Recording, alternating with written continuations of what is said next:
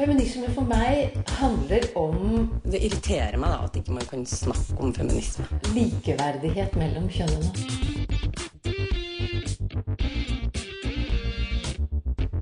Det blikket på kvinnen på film. Det handlet om å bli tatt på alvor som jente. Du hører på Et eget rom på Radio Nova.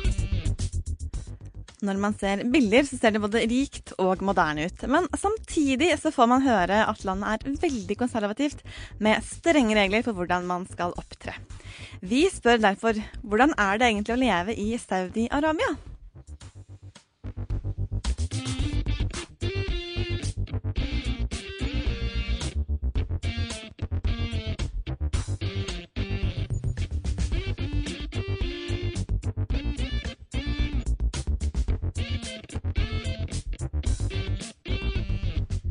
Klokken er altså blitt ti, og i et eget rom denne mandagen så hører du stemmen til Linda Therese Rosenberg med deg, Lisa Aasbø. Hallo. God morgen, tekniker det er Helje Svensson. Og vi i et eget rom vi liker å stille en del spørsmål om både hva feminisme er, og likestilling og eh, kvinnesak. Og verden. Og verden, ikke minst. Og Ja. i dag så skal vi ut i verden. Ja, vi skal det. Vi skal til Midtøsten, og jeg visste ekstremt lite om Saudi-Arabia for bare en uke siden. Ja, Samme her. Det er mye rykter ute og går. Veldig mye rykter. Ja. Og veldig mange motstridende rykter. Ja, det òg. Har jeg funnet ut etter en uke med litt sånn research. Du kan lese én ting, og så går det til neste kilde som sier noe helt annet. Eller at det er ikke samsvar alltid. Nei, og så er det veldig ofte at ting høres ekstremt, ekstremt ut. Ja. For å bruke to, to år etter hverandre. Men er jeg tror det er ganske mange ekstreme motsetninger og paradokser. Fordi at eh, de har jo tatt en del eh, sånne elementer inn i samfunnet og gjort sånn at det ser i hvert fall litt moderne ut. da. Og de har masse masse penger pga. olje. Mm. Så de har disse store, fine bilene, og det er merkevesker og fancy solbriller. Samtidig som det er veldig konservativt. Og de holder på med pisking i offentlige, på offentlige plasser da, hvis du gjør noe som de mener er helt grunnleggende galt. Oh ja, jeg leste halshogging òg, jeg. Ja, det har de også gjort, men jeg tenkte jeg ikke skulle gå så langt. Men nå har vi jo gjort, nå har vi gjort det. Ja, nå har vi gjort det. Men iallfall pisking, da. Så det er litt sånn eh, disse store ekstreme motsetningene, på en måte. Ja. Både det, det som ser moderne ut, og dette nesten litt sånn Det er kanskje litt slemt å si middelaldersk, men veldig gammeldags i hvert fall. da. Mm. For å få litt inntrykk, eller liksom skape et bilde av hvilket land vi skal til, så har Sofia Fischer laget en sånn kontekst for oss. En slags introduksjon til kongeriket Saudi-Arabia.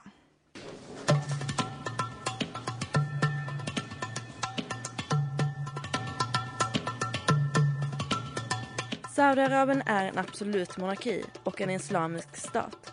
Koranen utgör grund för såväl politisk förvaltning som rättskipnad. Makten är samlad hos en talrik och extremt välbärgad kungasläkt, Al-Said. Saudiarabiens första kung och grundare, Ibn Saud. Han regerade mellan 1932 och 1953 och styrde landet enligt konservativ islamiska lagar samtidigt som han etablerade ett närt samarbete med västmakten. Olja började utvinnas i stor skala och lade grund till stark ekonomisk utveckling. Efter Ibn Saud har sex av hans 45 söner suttit på tron. Landet har förblivit en islamisk stat även om det har moderniserats och gradvis har öppnat mot omvärlden. Efter Kuwaitkriget i 1990 till 1991 då amerikanska trupper stationerades i Saudiarabien växte väpnat motstånd mot regimens fram. Efter den så kallade arabiska våren har det fredliga motståndet också stärkts. Men det tolereras dåligt av kungafamiljen. Saudiarabien kan på grund av den stora mängden olja åtnjuta många sociala förmåner som hör till de mest generösa i världen. Ingen statlig inkomstskatt tas ut trots det att skola, även högre utbildning och hälsovård är avgiftsfri. Det finns även omfattande socialförsäkringssystem och priserna på bensin, elektricitet, vatten, gas och flygbiljetter är väldigt låga eller existerar inte alls. Saudiarabiens snabba utveckling det senaste årtiondet har krävt stor satsning på utbildning. Numera går de flesta barn på skola samt jenter. Saudiarabien är extremt konservativt socialt. Islam genomsyr samhället och det dagliga livet. Officiella påbud styrs människors vardag med regler för kläder. Sedlighetspolisen övervakar att reglerna följs. Saudiarabiska män och kvinnor lever starkt åskilda utanför sitt eget hem. Regimet utövar hård kontroll över alla som publicerar i traditionella massmedier eller delas via sociala medier. Kritik av kungafamiljen, regeringen, islam och muslimska religiösa ledare straffas med fängelse. الحمد لله رب العالمين Islam är statsreligionen och är den enda religionen som får utövas i Saudiarabien. Den stora flertalet bekänner sig till en sunnimuslimsk och mycket strikt tolkning av islam. 2016 satte US Department of State Saudiarabien på Tier 2 Watchlist på grund av den stora mängden människohandel. Den migrante arbeidsgruppen er den mest utsatte gruppen for menneskehandel i Saudi-Arabien, med kvinner i husholdsarbeid som den største risikogruppen, eftersom de ofte arbeider i hemmet helt isolerte fra omverdenen.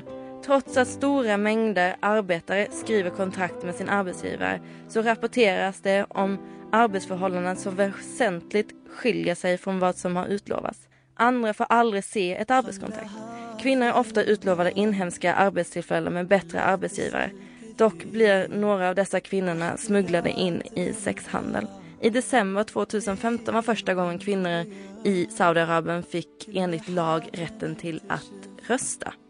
Över 100 000 kvinnor röstade och 21 kvinnor vann kommunal fullmäktsplatser. Trots detta kom det rapporter om svårigheter för kvinnor att driva kampanjer såsom att inte låta kvinnor driva politisk kampanj direkt till män som resulterade i att många kvinnor var tvungna att hyra in män för att prata i deras ställe. Det kom också rapporter om att man fysiskt stoppade kvinnor från att registrera sig till att rösta eller helt enkelt att man fysiskt stoppade dem från att gå och rösta. Saudiarabien är fortfarande en av de ledande staterna i världen när det kommer till missbruk av de mänskliga rättigheterna. Trots detta tjänar det som en medlemsstat i rådet för de mänskliga rättigheterna. UN skrev i en rapport från september 2016 att man starkt rekommenderade andra medlemsländer i rådet för mänskliga rättigheterna att tacka nej till kandidater från Saudiarabien fram till det att man såg en förbättring i landet. Saudiarabien är ett rikt land och befolkningen lever gott på de förmåner som tillbuds. Men man kan ju fråga sig vad som är viktigast. Att veta att när man blir sjuk så får man gratis sjukvård. Att veta att sina barn får gå i en bra skola och lära sig läsa och skriva. Eller faktiskt det att ha rättigheter. Det är ju just det som Saudiarabien saknar. Landets befolkning lever veldig godt, men de saknar rättigheter.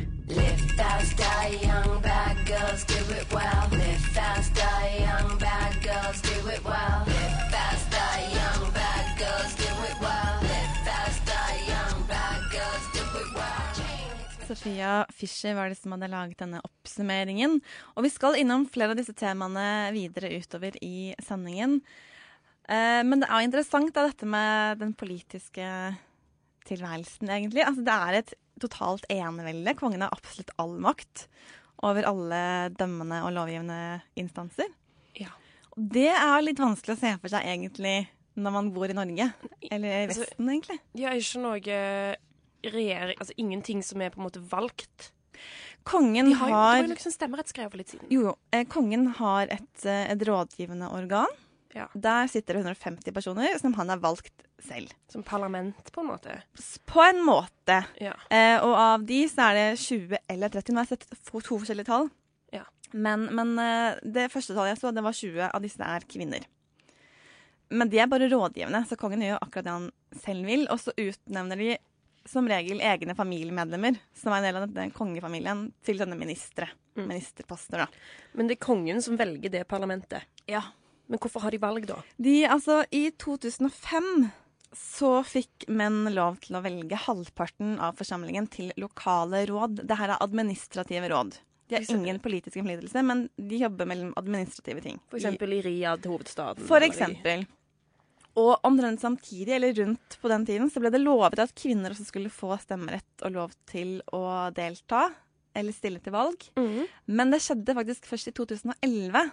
Da sa de at greit, nå skal kvinner få lov til å stemme og stille til valg, men ikke i 2011-valget. De måtte vente til valget i 2015. Ja, for det stemmer. For det, det, ja, det Ja, selvfølgelig stemmer det jo. Men, eh, men, jeg, men jeg har hørt om det. Det Ja. har jeg faktisk fått med meg. Det har du fått med deg. Det var ganske mye Eh, men det er veldig viktig å, å påpeke at ja, de, har, eh, de, de kan stille til valg, og de, kan, de, kan, de har stemmerett, men de stemmer ikke på noe som har en reell politisk innflytelse. Men det, det- gjør du ikke. Ikke mennene heller. Nei. Nei. Ikke, verken menn eller kvinner. Og det er slik at uh, du kan ikke drive valgkamp på offentlige steder. Det gjelder både kvinner og menn, men det er lettere for menn som Mm. kan bevege seg fritt utenfor. Eh, mens kvinner da må ha tillatelse til å forlate hjemmet noen ganger av eh, mannen eller faren. Eh, de kan ikke kjøre bil, det skal vi snakke om senere. Sånn at de har veldig sånn begrenset. Slik at det var veldig mange kvinner som brukte sosiale medier På å stille til valg. Så det var for, nei, altså, du må jo ha en valgkamp, da. Altså si til folk at jeg har lyst til å Eller jeg stiller til valg, kom og stem på meg. Ja, altså folk som, ja, ikke sant? Så de kvinner stilte faktisk til valg, altså? Kvinner stilte til valg, og det var noen som ble valgt inn OK. i disse rådene. Bra. Men, eh, men det at du ikke kan Du kan ikke drive valgkamp, er jo i seg selv litt sånn rart, da. Når du Ja. tillater folk eh, til å stille og delta i et råd som er halvparten er valgt av folket. Da ønsker man jo egentlig ikke helst at folk skal, kvinner skal stille, da, kanskje. Ja, egentlig ingen, tror jeg. Det er vel en slags Nei. Man prøver å gå i retning av litt mer eh, Litt mer moderne demokrati, men samtidig så holder man veldig igjen.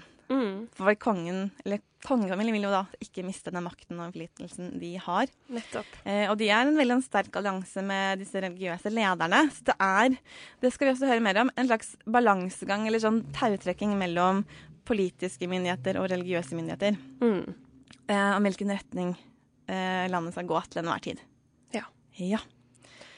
En ting som er veldig vesentlig, og som alltid har vært det, eh, en veldig viktig kvinnesak, det har vært dette med utdanning og retten til å kunne arbeide. Mm. Og jeg snakket med Ina Tind, hun er seniorrådgiver i Amnesty, om akkurat disse to temaene eh, når det gjelder kvinners muligheter til å egentlig bare komme seg ut i livet, på en måte, da.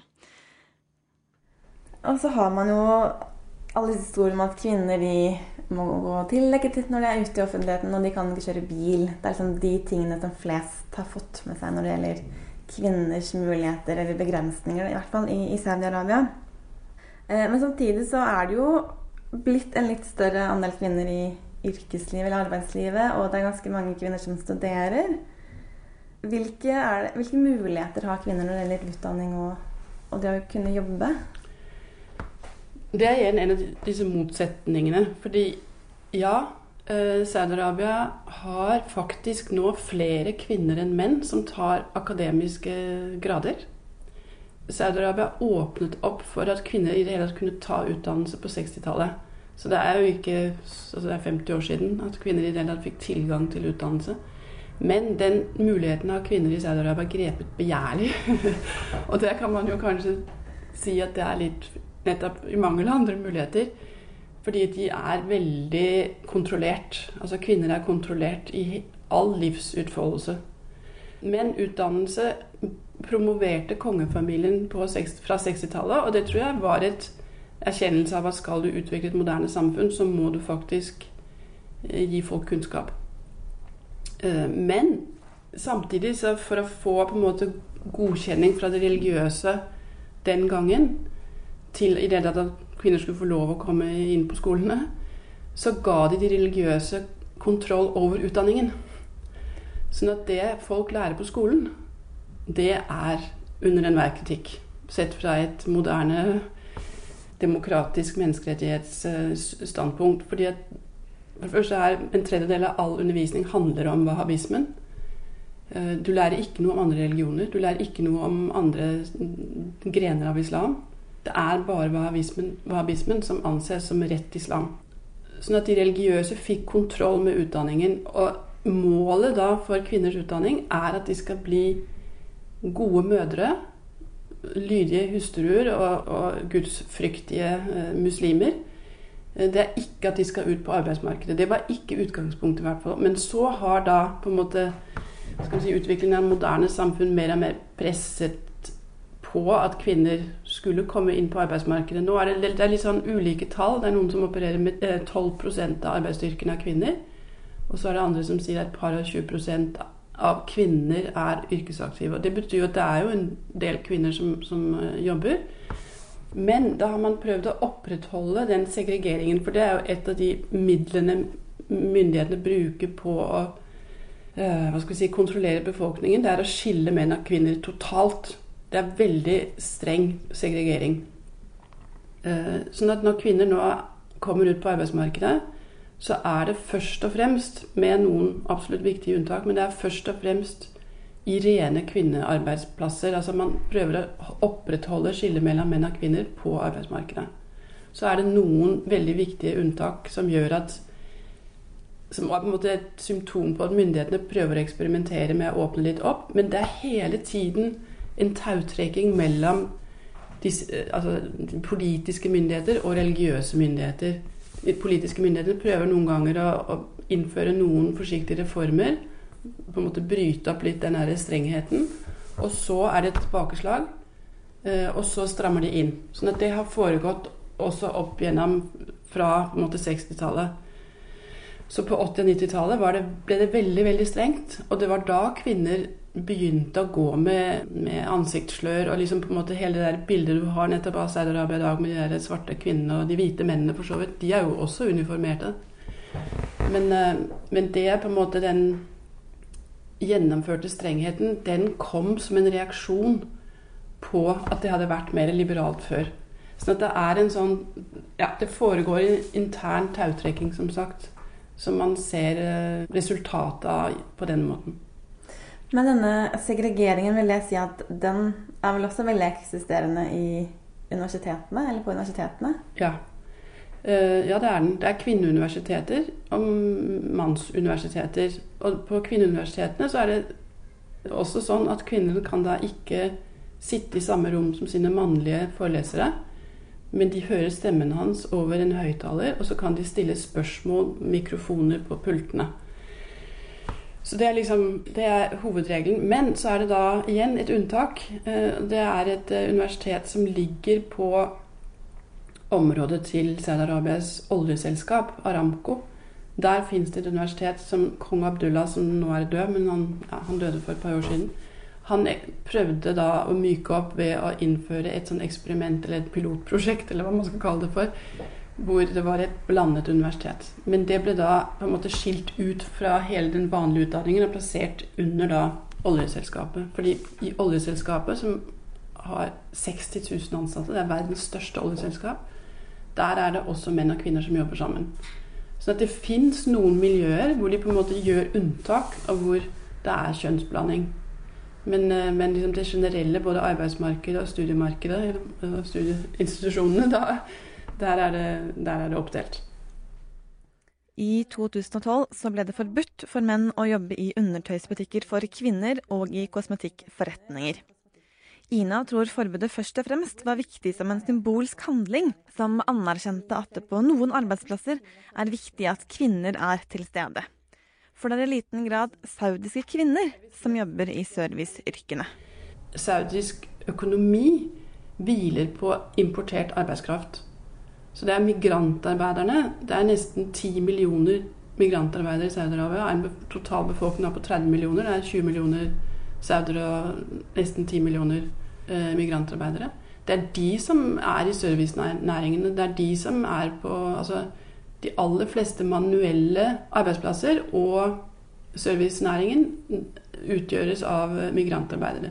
Det ses på som mindreverdig arbeid av saudiske menn, og kvinner har da i begrenset eh, omfang muligheten til å gå inn i de yrkene. Så det, så det er et samfunn som hviler på, på andres arbeidsinnsats.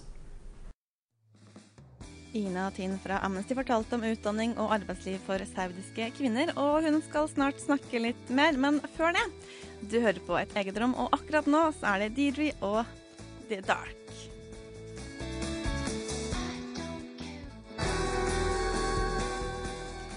Deidre and The Dark synger Which Way her på et eget rom på Radio Nova. Og denne mandagen så snakker vi om Saudi-Arabia. Et land som jeg tipper at de færreste egentlig har så veldig mye kunnskap om. Og som vi allerede har vært innom, så er dette landet veldig konservativt. Og det er mange regler man må forholde seg til. Og eh, litt senere skal vi snakke om denne vergeordningen, som er veldig sånn det folk flest først får høre om. Men det er en annen regel, og det er at kvinner ikke får lov til å kjøre bil. Ja, og det er en typisk ting som blir skrevet veldig mye om i vestlige medier, og som folk syns er helt crazy sinnssykt. Men fra 90-tallet til i dag så har det vært flere som har protestert mot dette. Og denne kampanjen som oppsto i 2011 har fått eh, navnet Women to Drive. Og Oda Misjehaug hun har skrevet en masteroppgave om det her. Og Eline Hystad hun har tatt en prat med Oda. Det begynte med en, en, gruppe kvinner som i 1990 bestemte seg for at de, de ønsket å kjøre bil, de ønsket å ta litt mer kontroll over livene sine. Og den protestformen som de valgte, var at de valgte å sitte seg i bilen og kjøre i en protesje eh, mellom, eh, eller i Riyads hovedgate for å vise at det her var fullstendig mulig å gjøre. De hadde tatt førerkortet i utlandet eh, og ville vise at dette her var på høy tid å få gjennomført i Saudi-Arabia. I Saudi-Arabia så har ikke kvinner lov til å kjøre bil. Når det her ble utfordra på 90-tallet, så ble det godt kjent at det her hadde skjedd. Og i de siste 20 åra så har den såkalte Women to Drive-bevegelsen i landet fått mer og mer oppmerksomhet. Oda Misjehaug kan fortelle at det egentlig ikke finnes noe direkte regelverk som forbyr kvinner å kjøre bil i Saudi-Arabia, men at forbudet er religiøst betinga og bygger på at kvinner og menn bør segregeres i det offentlige rom. Det er jo en litt sånn spennende, en spennende ting, fordi at eh, det er ingenting i lovverket i Saudi-Arabia som sier noe om at kvinner ikke har lov å kjøre bil. Men når en kvinne setter seg bak rattet, så hvis politiet oppdager henne, så blir hun da arrestert. Og blir da må bli hentet av sin verge. Men det er likevel ett unntak som også er litt underlig, fordi at denne ordningen med at man ikke kan kjøre bil, den er jo religiøst betinga og at man tar utgangspunkt i at i segregeringssystemet at kvinner og menn skal være sett på ulike steder til enhver tid i, det offentlige rom. Men de har gjort et unntak for det, og det er når at kvinner har lov å kjøre bil i ørkenen. Fordi at der ser man på det som en nødvendighet for at kvinner skal kunne overleve og kunne klare seg i hverdagen. Så er det også helt greit å, å kjøre bil, men at i byene så er denne praksisen ikke tillatt. Så det kan man også forstå at noen kvinner i Saudi-Arabia kan reagere litt på. At det er en så sterk religiøs begrunning for en måte å leve livet på, en måte å dele inn eh, kvinner og menn i systemet på. Og så likevel så kan man ta unntak der det passer. Saudi-arabiske kvinner som er tatt for å kjøre bil, kan altså straffes med fengsel fordi de kjører uten førerkort. Utover det her så forklarer Oda også at det kan påvirke hverdagen sosialt sett, fordi det gjerne anses som en upatriotisk handling å gjennomføre. Det kan jo ha konsekvenser både at de kan bli arrestert. Det kan også ha en konsekvens for eh, eh Kvinners oppførsel det er jo også veldig knytta til familien og familiens ære. Eh, så man kan jo enten da vanære familien og bli støtt bort på den måten. Og man kan Det var flere kvinner som var med i den kjøreaksjonen i 1990 som også mista jobben. Så, så, det får konsekvenser for dem. De blir kanskje stjerner for oss som ser det utenifra, og som ønsker å støtte disse kvinnene i Saudi-Arabia. Men de kan også bli utstøtt fordi at det, det kan anses som upatriotisk å kritisere et, en praksis som Saudi-Arabia er helt unik med, at de har dette kjøreforbudet. Og det viser jo òg at de er De følger islams regler på en måte som ingen andre land gjør, og at de på en måte er, derfor er litt overlegne andre land også. Eh, så det anses rett og slett som upatriotisk, og at man prøver å innføre vestlige verdier og menneskerettigheter som ikke nødvendigvis følger den kulturelle identiteten som de har i Saudi-Arabia. Med 90-tallets aksjon så var en hel del satt i gang, og videre så førte også den arabiske våren i 2011 til en ny bølge. Det er mitt inntrykk er at uh, disse kvinnene de ble veldig inspirert etter den arabiske våren. Av de store mobiliseringene man så i, i Tunisia og i, rundt omkring i Midtøsten. Og at de òg ønsket å gjøre noe. Eh, og på den måten så hadde de De var de òg veldig aktive på sosiale medier i, i Saudi-Arabia. Så det de gjorde, var at de også kjørte bil, men denne gangen så la de ut bilder og la ut videoer der de forklarte hvorfor de ønsket en oppheving av kjøreforbudet og publiserte det og fikk enormt mye oppmerksomhet internasjonalt. Blei på samme måte som i 1990 arrestert i kort periode, og så sluppet ut igjen. Så det var på en måte litt sånn det begynte. Og så hadde de ulike kampanjer der man kunne signere på at man støtta disse kvinnene.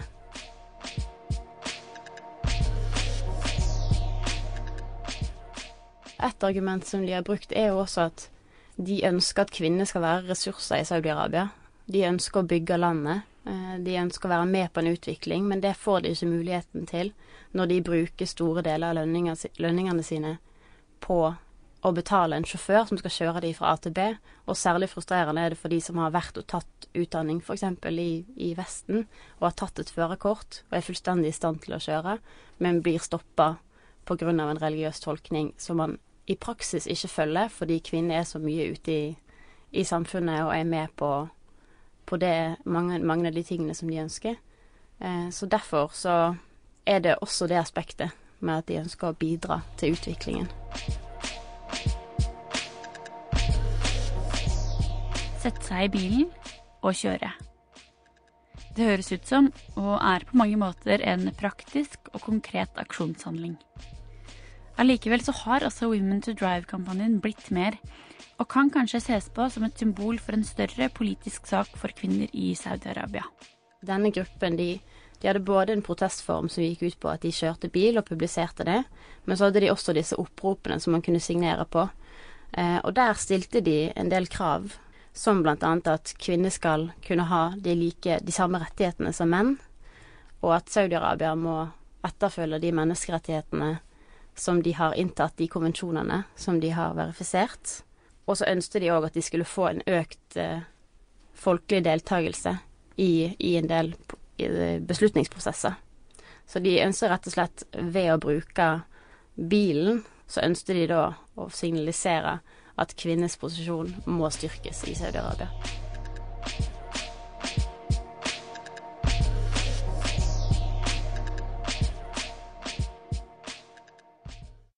Eline Hystad hadde snakket med Oda, som har skrevet master om dette her med bilkjøring og den diskusjonen og debatten som foregår i Saudi-Arabia.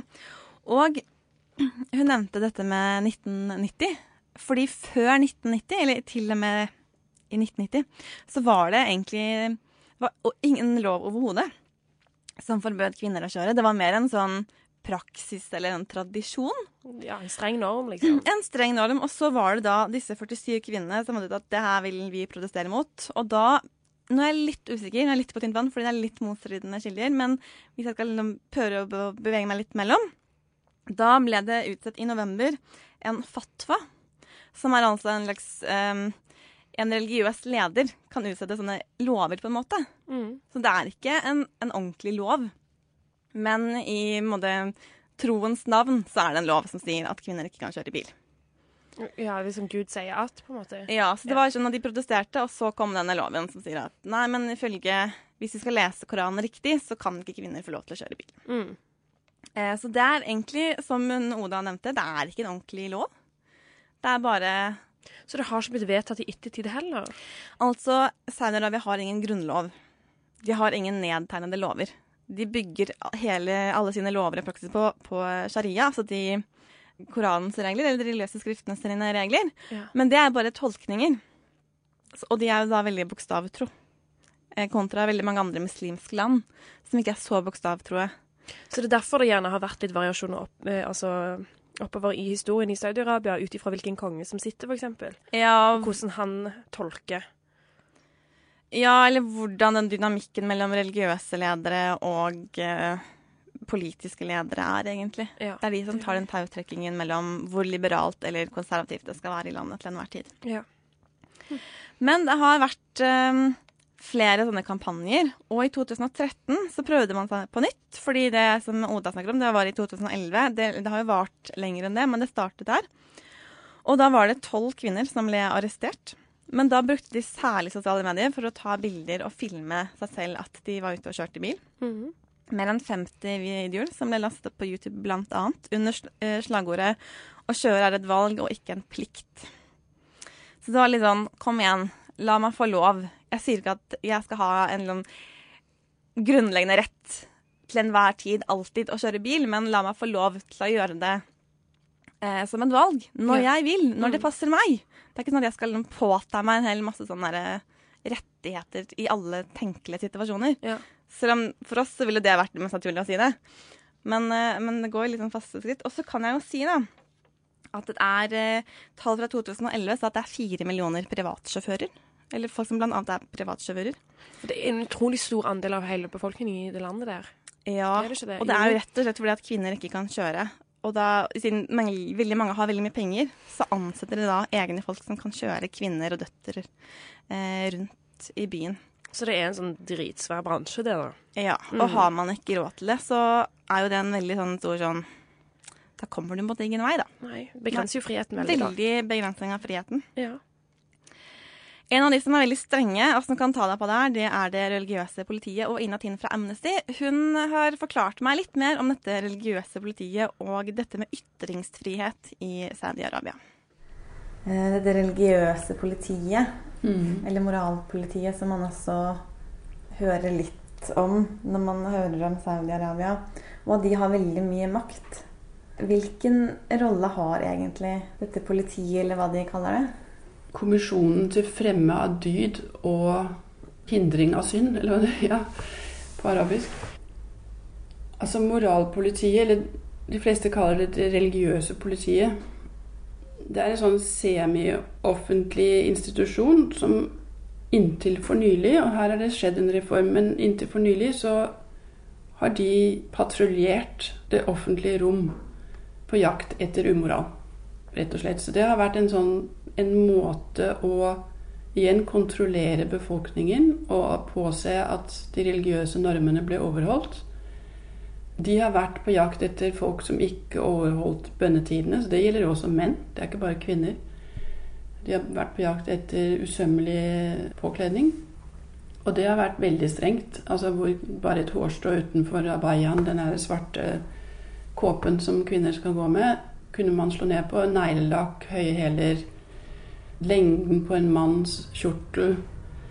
Selvfølgelig alle uttrykk for kjærlighet. Altså i det hele tatt at menn og kvinner på en måte viser kjærlighet i offentlighet. Det er ikke tillatt. Og menn og kvinner som ikke har en familierelasjon, en tett familierelasjon, er ikke tillatt at de møtes eller snakker sammen eller noe som helst i offentlig rom. Så det var de tingene de var ute etter å slå ned på. Og de, de bokstavelig talt slo ned på det. Altså, de Kvinner ble slått med stokker, og menn ble arrestert, stort sett. Det har vært normen helt inntil for, faktisk i 2016. Da ble det innført et, eh, en Det ble på en måte Deres virksomhet ble avgrenset. De får ikke lov å pågripe folk på gata. De får ikke lov å liksom gjøre sånne politimessige ting. Men, det, men politiet eksisterer fremdeles. Og det som er viktig å være klar over, er at i større og større grad har det religiøse politiet fått i oppgave å påse hva som foregår av umoral, såkalt, på nettet. Så de er ute etter å slå ned på all mulig skal vi si, ja, ytringsfrihet på nett. eh, Og melder fra da til myndighetene ting de mener er eh, umoralske. Og det har rammet mange av de som jeg har eh, jobbet med i Amnesty-sammenheng. eh, Som blir tiltalt for å ytre seg på en måte som oppfattes enten som at det er en krenkelse av islam, eller at det er umoralsk. Sånn at det religiøse politiet har, selv om de er vingestekket nå, så er de absolutt til stede som en kontinuerlig rettledning, for å si det positivt, av befolkningen i forhold til religion. Så den har vært med på å opprettholde egentlig hele både segregeringen og uniformeringen egentlig av både kvinner og, og kvinner og menn. Definitivt. Veldig viktig institusjon. Eh, og så nevnte du nå dette med nett og ytringsfriheten der. For det er jo Det er jo ikke et demokrati, og det er jo veldig begrenset i hele samfunnet. Men hvordan har har de generelt, frem til nå, kunnet utfolde seg i sosiale medier, f.eks.? Det er en av disse paradoksene, fordi Saudi-Arabia er jo ikke et land som har på en måte totalt lagt lokk på å uttrykke seg på nettet. Altså, De har ikke stengt sosiale medieplattformer. Så det er ikke sånn totalt diktatur i forhold til ytringsfrihet. De tradisjonelle mediene i Saudi-Arabia er totalt sensurert og kontrollert av myndighetene. Når sosiale medier kom til landet, opplevde mange for første gang at de hadde en frihet til å uttrykke seg. Det kan forklare hvorfor landet er et av de mest pålogde landene i verden. Særlig i bruken av Twitter. Og det kan man jo også tenke seg egentlig når man forestiller seg å leve i et sånt land som er så kontrollert, at du, det er der du på en måte kan utfolde deg. eh, Hvor du ikke er under kontroll. Så ja, folk har tilgang til nett og sosiale medier, men de blir overvåket, og veldig mange sider blir blokkert. Ytringer som anses for å være moralsk eller religiøst støtende, samt ytringer som er kritiske til kongehuset, blir slått ned på. Enten av det religiøse politiet eller av et større sikkerhetsapparat i landet. Selv om sosiale medier ble en plattform for å uttrykke seg friere, ble sæderne likevel sårbare. Så de ble da tatt og dømt for ytringer i sosiale medier særlig. Det er veldig mange nå som sitter i fengsel for å ha skrevet Twitter-meldinger som anses som problematiske, enten politisk, eller først og fremst politisk, men også religiøst. Det er ikke bare de som utfordrer grensene som er aktive på Twitter. Det er også de religiøse kreftene, og mange av dem med flere millioner følgere. Twitter er dermed blitt en plattform for diskusjon, der ulike synsvinkler utspiller seg. Men gjelder det, har det også blitt et sted hvor kanskje kvinner særlig for første gang kanskje kan uttrykke sine meninger i en offentlighet? Ja, det er også interessant på den måten at altså, kvinner logger seg på også, ja, definitivt. Og det brukes jo på alle mulige måter, men ikke minst også politisk.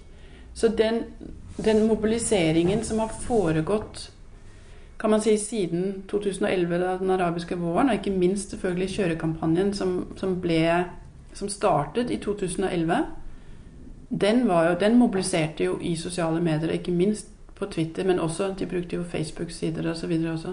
Så kvinners politiske mobilisering for økte rettigheter har foregått i sosiale medier. Og så kan man spørre seg selvfølgelig liksom, hvor mye betydning har det når det på en måte blir bare der. Når, altså, I kjørekampanjen tok jo kvinner til gatene da, og satset bak rattet. sånn at det var jo en en fysisk manifestasjon også, som ble stått veldig, veldig hardt ned på. Og der brukte myndighetene det å spille folk ut mot hverandre. For de visste at de religiøse kreftene ville ta kvinnene. Så de trengte ikke å gjøre det selv, altså de politiske myndighetene.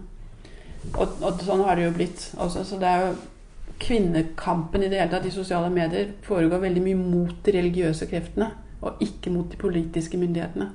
Og det er jo, kan man si, en Det er en veldig smart taktikk fra regimets side. For de spiller grupper i samfunnet ut mot hverandre. Og så unngår de at noen retter skytset mot mangelen på politisk frihet og mangelen på politisk medbestemmelse. Du hører på Et eget rom.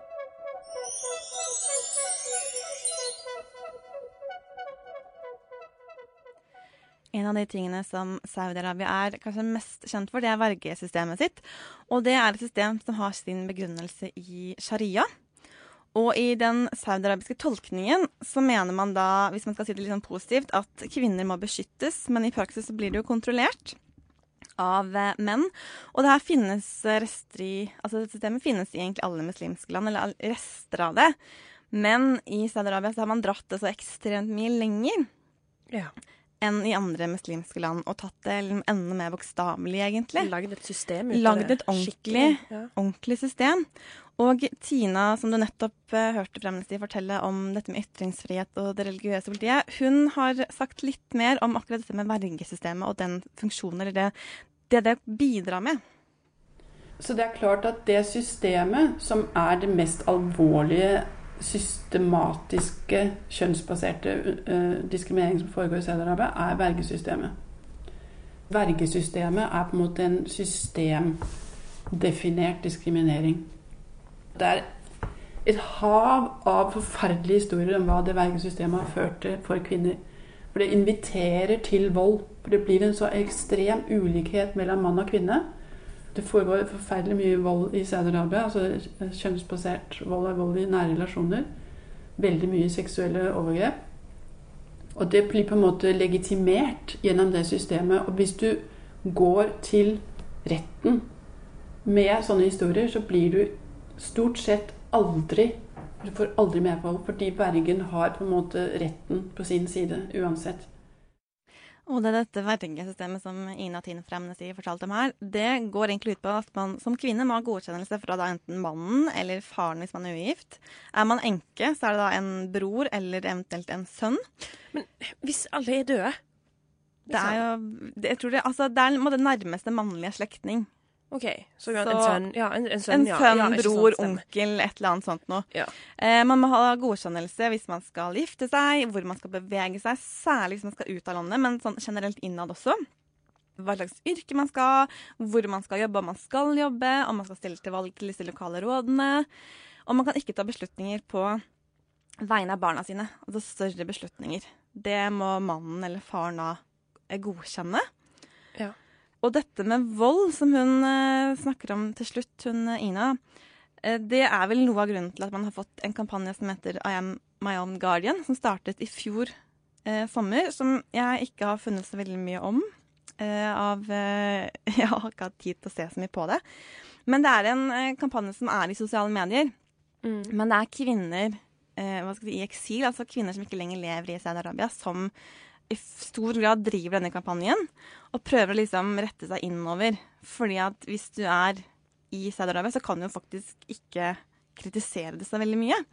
I og med at man da egentlig har, slik man tolker det, eh, retten på sin side da, til å på en måte bestemme over deg. Ja, og hvis du gjerne ytrer noe om det, altså kritiserer de i sosiale medier, så kan du vel kanskje bli også arrestert, eller at det blir litt sånn satt et søkelys mot deg, da, at politiet er litt mer Ja. obs på deg, og du vil jo ikke det. Og det er jo derfor dette med vold er et så stort problem. Eh, og så ble det vedtatt en lov, eh, altså deres form for lov, i 2013 som sier at det er eh, ikke tillatt å mishandle kvinner, barn eller gjestearbeidere. Problemet her, det er at skal man anmelde at mannen eller sønnen eller hvem det er, da, faren slår deg eller voldtar deg, Mm. Du kan ikke komme deg til politistasjonen uten mannens tillatelse. Du må ha en, et mannlig medlem i familien eller en sjåfør til å kjøre deg dit. Men får du en lapp, da? liksom? Er det så Nei, men hvis du kommer til politistasjonen, Ja. eh, så kan de ringe mannen din og si nå står kona di her, har du gitt henne en tillatelse til å være her nå?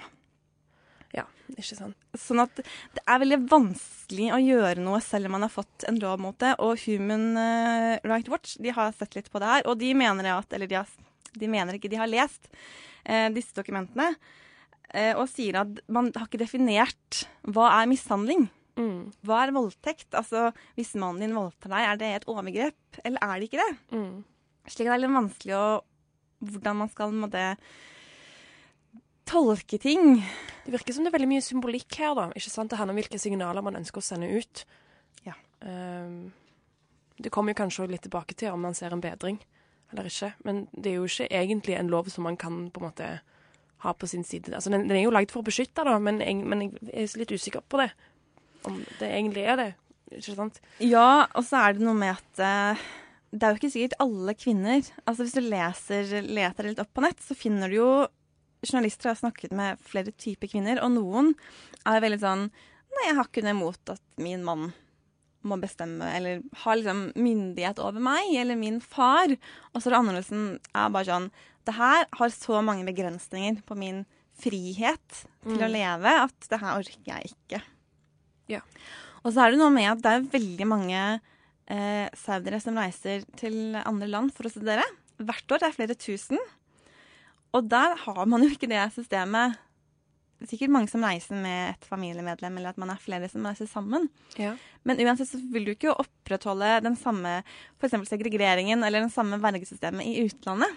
Nei, selvfølgelig. Sånn at eh, jeg vil tippe at hvis du har vært utenlands og kommer tilbake, så blir det jo fått litt sånn press innad i samfunnet.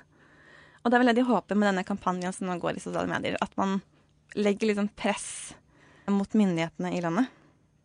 Sånn at det eventuelt kan bedre seg. Slik at det eventuelt eh, kan bedre seg, ja. Ja.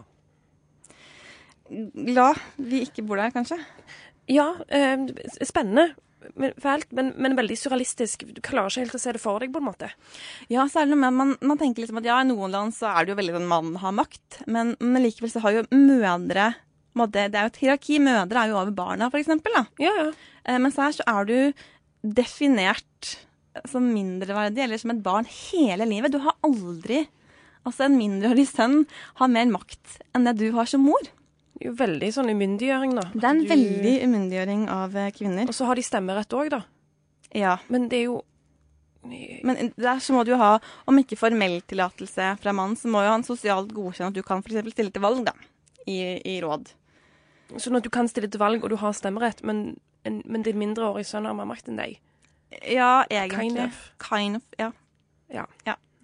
Vi skal ha litt mer musikk eh, fra svenske Taking My Trees. Kanskje bitte litt sånn eh, I hvert fall utenfor Norge-inspirasjoner, kan vi si.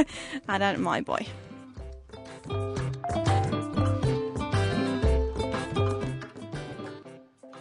My Boys Taken By Trees fra deres album East of Eden.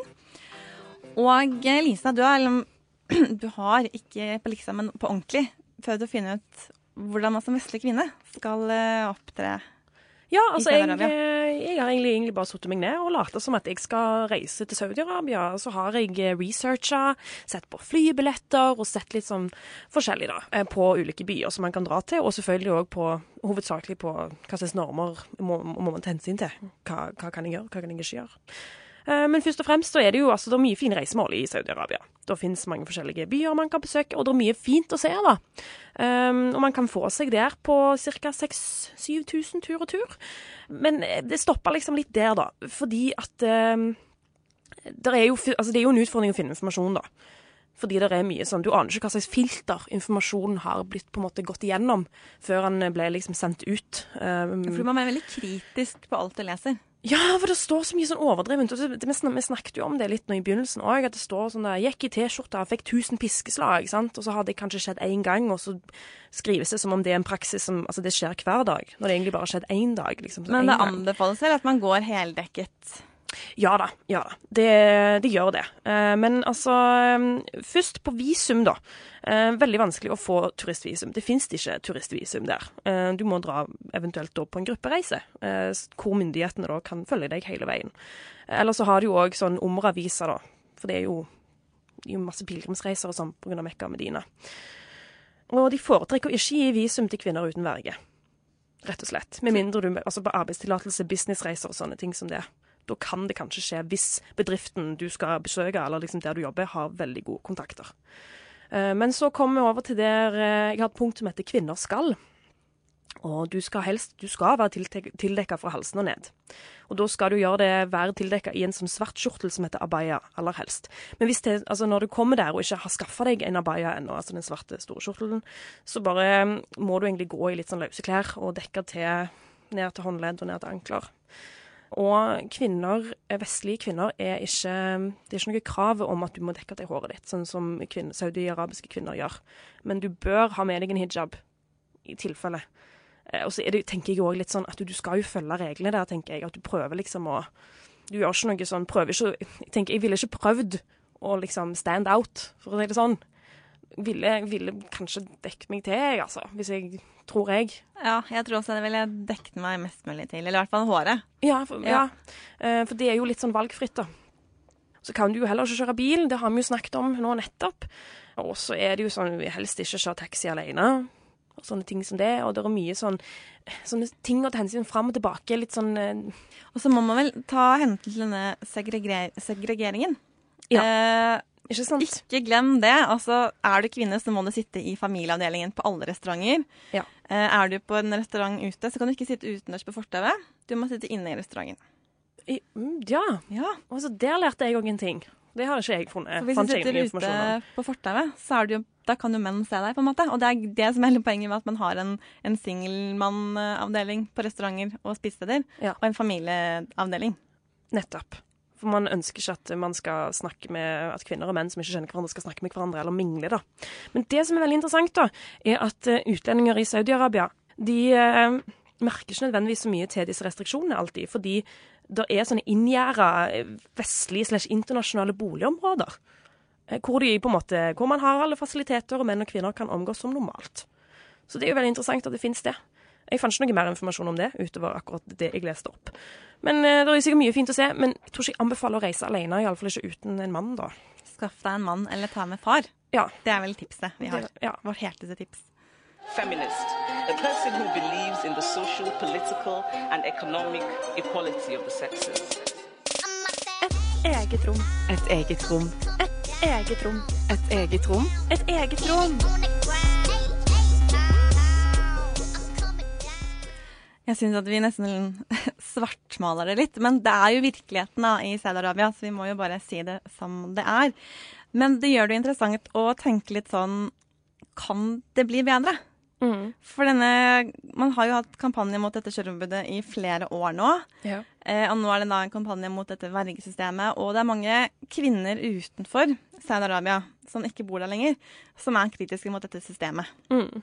Eller egentlig alt som skjer. Sånn at det er jo ting på en måte i vinden, og som har vært der ganske lenge. Og jeg vil tippe det er en del denne spenninger innad i landet også. Det er sikkert mange kampanjer vi ikke får med oss òg. Ikke Mye minst, som mye skjer. er nok på arabisk, så jeg er litt spent på hvordan det egentlig er. Men så er det jo sånn, da Hvilken rolle spiller resten av verden? Ja, nettopp. Fordi at Saudi-Arabia har masse olje som hele verden er avhengig av, så de har egentlig fått litt sånn fritt spillerom. De er veldig sånn skjermet for kritikk. Og det, det er bare på grunn av, det er bare derfor òg. bare derfor. Man tenker jo gjerne også liksom sånn Kom på det, hvorfor er det ingen som De snakker så lite om det? FN og folk legger jo ikke press på I alle andre land Ja. så er man ikke så redd for å være kritiske og si det som det er. Og si sånn at sånn er det, det her må vi gjøre noe med. Her må verden og FN inn og legge press på myndighetene for at kvinner skal ha de rettighetene de faktisk har krav på. Mm. Og med andre saker òg. Og andre saker. Veldig mye.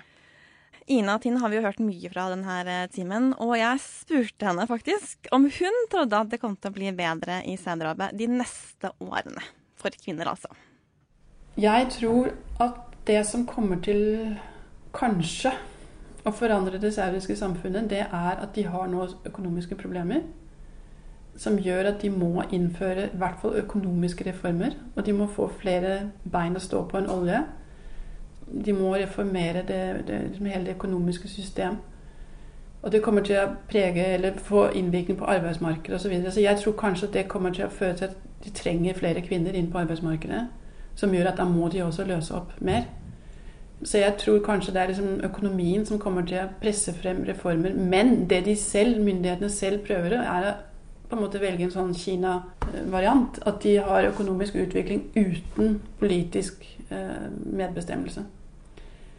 Eh, så det er på en måte det store spørsmålet om, om, de, om det kommer til å fortsette å være et totalt autoritært eh, samfunn, et enevelde, eller om, om, om disse reformene i forhold til samfunn og økonomi kommer til å presse frem politiske reformer.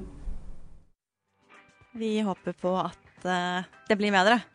Og at uh, vi vestlige kvinner er med å støtte opp de få kvinnene som faktisk roper høyt om at ting er som det er i Saudi-Arabia. Selvfølgelig. Støtte alle Og så får bare myndighetene og FN følge etter her hvor vi er. Kom igjen. Uh, når... begyn- må begynne å få gang nå, Ja, altså. nå må vi begynne. Ja. Uh, det her var det du fikk med deg. Ja, vi rekker ikke mer. Nei, i denne rett og slett. Fullpakka sending. Eh, takk til Sofia Fischer og Elin Hissa for deres bidrag. Takk til tekniker Helje Svensson. I studio har du hørt stemmene til Elise Asbø og meg, Linda Therese Rosenberg. Vi er tilbake om en uke. Da er det dette begrepet eller debatten om elit... Nei, hva er dette for noe? Feministeliten? Elitefeminist, feministeliten. Ja, noe sånt. Noe sånt. Mhm. Det som særlig Sylvi Listhaug er veldig kritiske til. ja. Eh, Neste mandag er klokken ti. Du kan høre oss i iTunes og på SoundCloud og på nett. Radionova.no. Eh, Og da takker vi for oss med In Fielder.